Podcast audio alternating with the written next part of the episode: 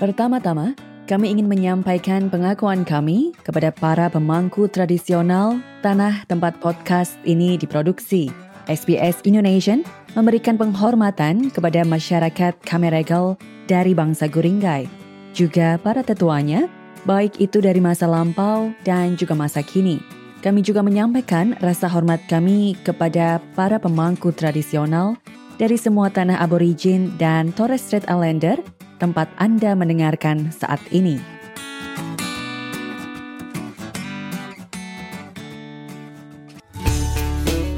Good Arvo, mate.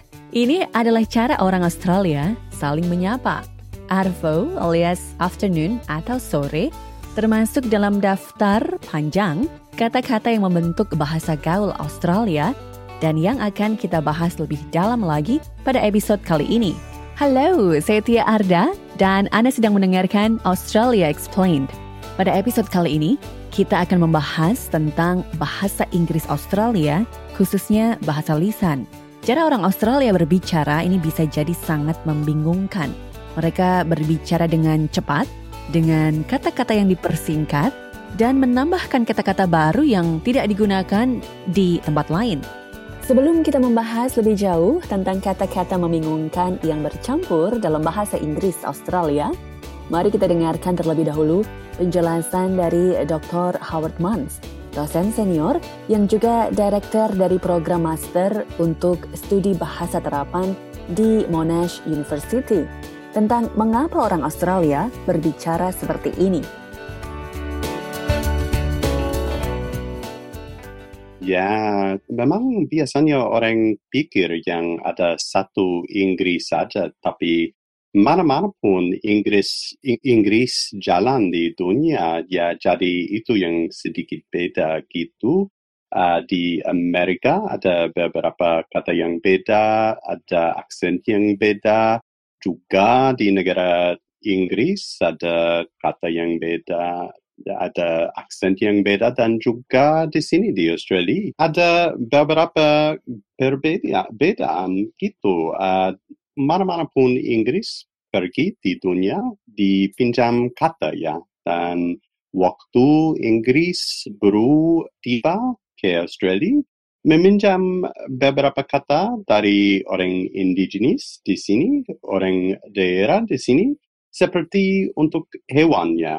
Dan waktu orang dari Inggris datang ke Australia, uh, mereka lihat itu hewan yang beda gitu.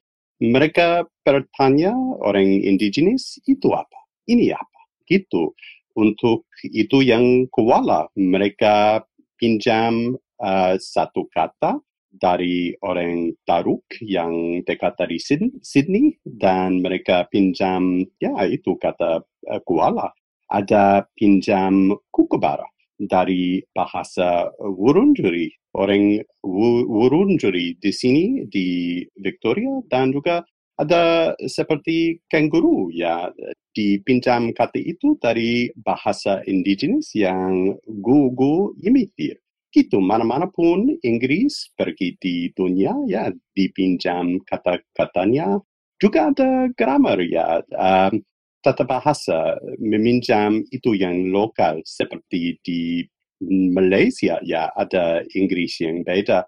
Di Inggris di Malaysia seperti Inggris yang dipakai di Indonesia ya. Di Malaysia mereka tidak bilang uh, turn on the light. Di Malaysia mereka bilang uh, open the light sama bahasa Malaysia, bahasa Indonesia itu uh, buka lampu ya.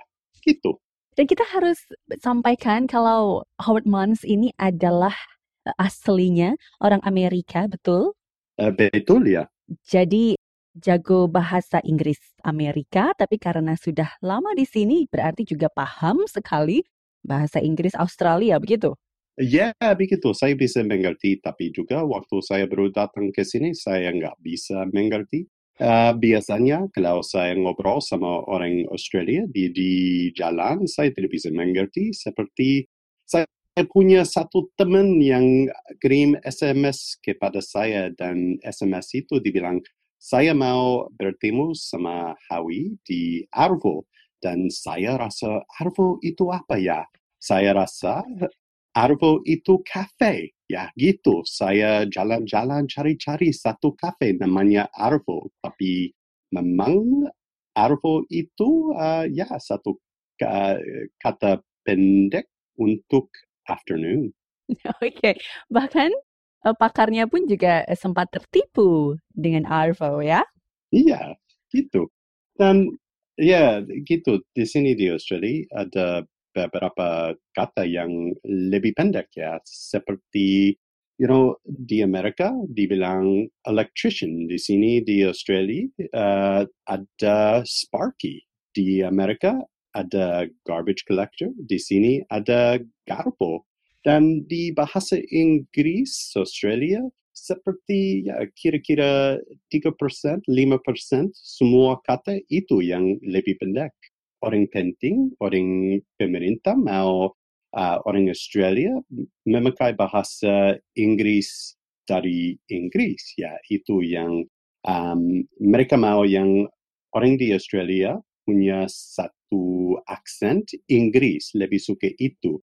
Itu orang di Australia pakai bahasa slang Australia karena mereka mau menolak itu ya. Mereka mau menolak bahasa Inggris dari Inggris. Itu yang slang di Australia itu you know yang spesial di sini mereka mau memakai bahasa slang gitu bisa menolak uh, the history itu sejarah Inggris di sini di Australia. Orang mau memakai bahasa Australia, uh, bahasa slang Australia untuk menolak uh, itu yang formal. Oke, okay. dan berarti mungkin betul tidak lebih supaya terasa identitas Australianya begitu? Iya, memang dari identitas, tapi juga mau membangun satu identitas yang kurang formal. Hmm. Mau itu yang lebih dekat. Dan kalau bisa ngobrol sama teman berbagai eh, bahasa yang kurang formal, uh, ya senang di sini di Australia. Salah satu karakter unik atau aneh dari bahasa Inggris Australia adalah ketika kita membahas huruf R yang sering kali tidak diucapkan. Ini adalah salah satu perbedaan yang paling mencolok antara bahasa Inggris Australia, bahasa Inggris Amerika, dan bahasa Inggris di Inggris itu sendiri atau British English. Suara vokal atau huruf hidup ini juga sangat berbeda di antara masing-masing bahasa Inggris tersebut. Biasanya R, ya, itu suara R. Dan di Australia, biasanya mereka tidak uh, tidak dipakai itu yang uh, R di kata seperti for. Uh, orang Amerika bilang for, tapi di Australia biasanya orang bilang for dan tidak bilang itu. Itu satu perbedaan yang beda sekali. Tapi juga ada itu uh, diphthong, ya. Diphthong uh, namanya dua vokal di satu kata seperti mate or might gini. Um, dan ada beberapa diphthong uh, di bahasa Inggris Australia yang nggak ada di bahasa Inggris, yang dipakai di Inggris, dan juga nggak ada di bahasa Inggris yang dipakai di Amerika, beda sekali gitu. Ada satu logat aksen di sini di Australia yang beda sekali dari tempat lain. Pada kesempatan kali ini, saya juga bertanya pada Nick Molodiski, food blogger asli Sydney yang juga adalah penulis buku bahasa gaul Indonesia terkait dengan bahasa Inggris Australia ini. Jadi perbedaan yang paling besar antara bahasa Inggris Australia dengan bahasa Inggris dari Inggris atau Amerika Serikat itu perbedaannya lebih di pelafalannya dan logatnya secara kosakata memang ada beberapa kata yang berbeda di sini, tapi kayak kami semua saling ngerti gitu loh. Jadi kalau sama orang Amerika terus kita pakai bahasa Inggris Australia, mereka tetap ngerti, nggak kayak mereka nggak ngerti. Tapi mungkin mereka bakal harus denger satu kata dua kali buat bener-bener tangkap maksud kita apa. Contohnya kalau kita mau bilang kata air dalam bahasa Inggris, water. Kita kan nggak gitu bunyiin kata R kalau R-nya ada di belakang kata. Jadi kayak water tuh R-nya di belakang, jadi itu jadi water. Di Australia, aksen atau logat ini bisa sedikit berbeda antara satu negara bagian dengan yang lainnya. Ada tiga, tiga aksen di sini di Australia. Ada yang satu itu cultivated dan cultivated accent itu seperti bahasa Inggris, dekat dari bahasa Inggris yang dipakai di Inggris.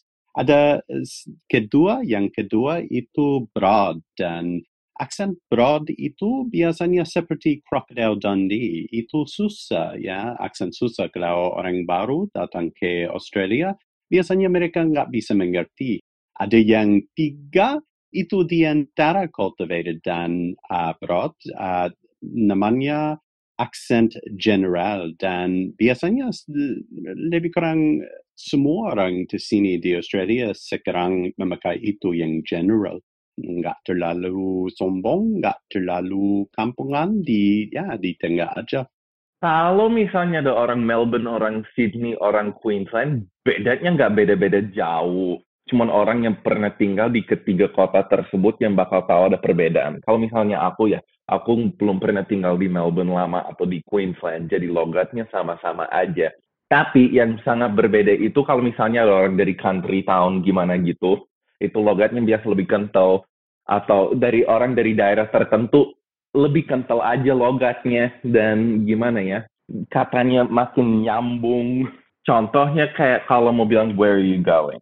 Kalau yang bener-bener kayak semua katanya nyambung kayak way down kayak buat pelajar asing itu kedengeran kayak satu kata yang gede. Padahal itu where are you going way down kayak sangat Selain cara pengucapan katanya, nada pengucapan ini juga bisa berbeda antara bahasa Inggris Amerika, Australia, dan juga bahasa Inggris British.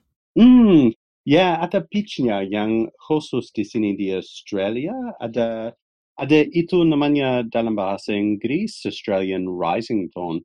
Dan Australian Rising Tone itu seperti ini. Kalau orang bicara, biasanya di akhir uh, kalimatnya itu suaranya ke atas dan gitu. Dan seperti ini kalau orang um, pakai penyataan uh, suaranya seperti pertanyaan. Dan itu dari sejarah di Australia ada orang yang pikir oke okay, itu dari imigran karena imigran datang ke sini dan mereka nggak bisa mengerti gitu. Mereka ya kata satu pernyataan tapi ya juga pertanyaan itu itu benar itu benar itu benar.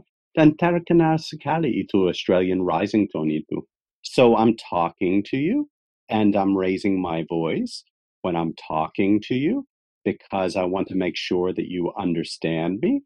Kayak gitu ya.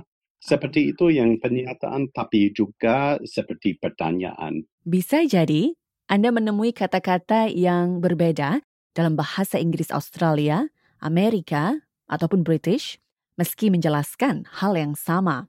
Misalnya saja orang Amerika menyebut permen dengan istilah candy. Di Inggris, mereka menyebutnya dengan sweets. Sedangkan di Australia, kita menyebutnya sebagai lollies. Dengan banyaknya bahasa gaul di Australia, negara-negara berbahasa Inggris lainnya tidak menggunakan kata-kata yang sama. Misalnya saja kata sanga cukup umum di Australia, tetapi di Amerika kebanyakan orang tidak akan mengerti kalau yang Anda maksudkan adalah sandwich. Itu juga satu perbedaan pemakaian istilah. Kayak contohnya chips ya. Kalau di Australia chips tuh pokoknya kentang apa aja yang digoreng. Maunya yang kayak Smith chips, maunya kayak hot chips itu semua chips. Tapi kalau misalkan ke Inggris, chips itu yang panas doang, terus crisps itu yang dipakai kayak keripik. Tapi kalau di Amerika, itu chips itu cuma yang dipakai doang, terus french fries itu yang panas. Jadi pemakaian kayak buat kentang goreng aja udah beda-beda banget atau kayak granola sama muesli. Kita ngomongnya muesli, di Amerika itu granola. Kadang itu jadi agak membingungkan. Tahukah Anda kata-kata gaul apa yang paling banyak digunakan di Australia dan apa artinya? Brekkie, breakfast alias sarapan. Kalau biki artinya biskuit. Satu kata lainnya adalah Barbie, bukan boneka itu yang dimaksudkan, tapi adalah kependekan dari barbecue. Nah, kalau Anda sedang berbarbecue, hati-hati Anda bisa digigit mozi alias mosquito atau nyamuk. Servo, hmm, tempat untuk mengisi bensin alias pom bensin. Use artinya Anda, you, tetapi collectively secara uh, plural begitu banyak. Sedangkan crazy adalah istilah gaul untuk Christmas. Ada beberapa yang ya lucu sekali karena sering di sini di Australia orang suka bercanda ya dan mereka kadang-kadang suka bilang itu yang sedikit nakal. Seperti untuk orang yang uh, sedikit bodoh di sini di Australia, uh, mereka bilang drongo. Kata drongo itu untuk orang yang bodoh sekali dan ya sejarah menarik sekali karena uh, drongo itu uh, adalah satu kuda dan satu kuda yang yang racehorse tapi dia tidak bisa menang ya. Selalu uh, kedua ketiga gitu. Semua orang yang suka gamble merah sekali. Mereka bilang drongo itu sama orang yang bodoh dan gitu. Ya jadi di uh, bahasa Inggris modern Australia uh, itu orang yang bodoh. Ada satu kata yang lain untuk orang yang cakap sekali dan untuk orang yang cakap sekali di sini dibilang spunkrat dan spunkrat itu dari budaya pantai ya budaya pantai di uh, 60-an di 60-an ada budaya ya uh, pantai yang bersen, uh, berselancar uh, dan gitu mereka bilang spunkrat. Ada satu yang sudah jadi go global uh, itu selfie ya. Itu yang uh, satu kata pendek yang terkenal sekali yang asli Australia itu.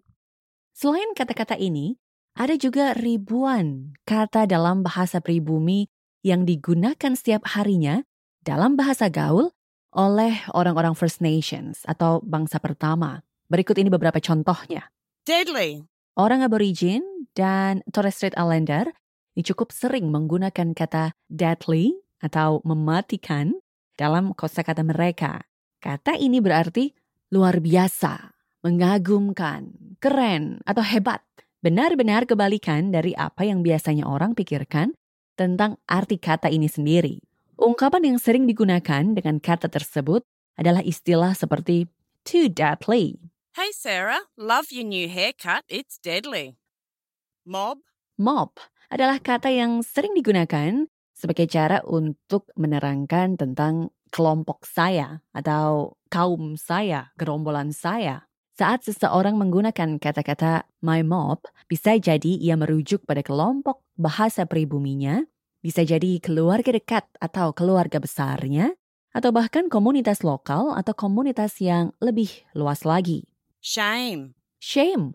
Seseorang mengatakan ia merasa malu adalah ketika memang dia malu atau mungkin merasa tidak nyaman dalam situasi yang sedang dihadapi. Tapi kata ini sendiri digunakan dengan sangat berbeda bagi pengguna non-pribumi. Ungkapan yang umum digunakan adalah istilah shame job. Dan istilah ini dapat digunakan misalnya jika seseorang berkata, Hey, apakah kamu ingin menunjukkan gerakan terbaikmu? Dan seseorang yang mungkin enggan untuk melakukannya akan mungkin menjawab, No way, shame job. So you want me to get up on the catwalk and walk like a supermodel when I'm not even a model? No way, shame job.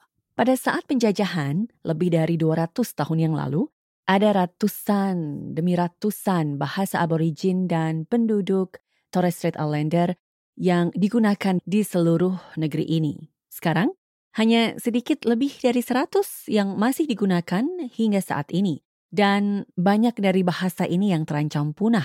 Namun, tumbuh minat dan banyak pembelajaran aktif di komunitas di wilayah di mana bahasa pribumi ini dihidupkan kembali. Dan ada ribuan orang pribumi di seluruh negeri ini yang terus berbicara dalam bahasa tradisional mereka sendiri. Hal lain yang penting diketahui, bahasa Inggris Australia dan bahasa Inggris British ini sering kali menggunakan pengejaan yang berbeda dengan bahasa Inggris Amerika. Hal ini khususnya penting untuk diingat jika Anda bekerja atau belajar di Australia.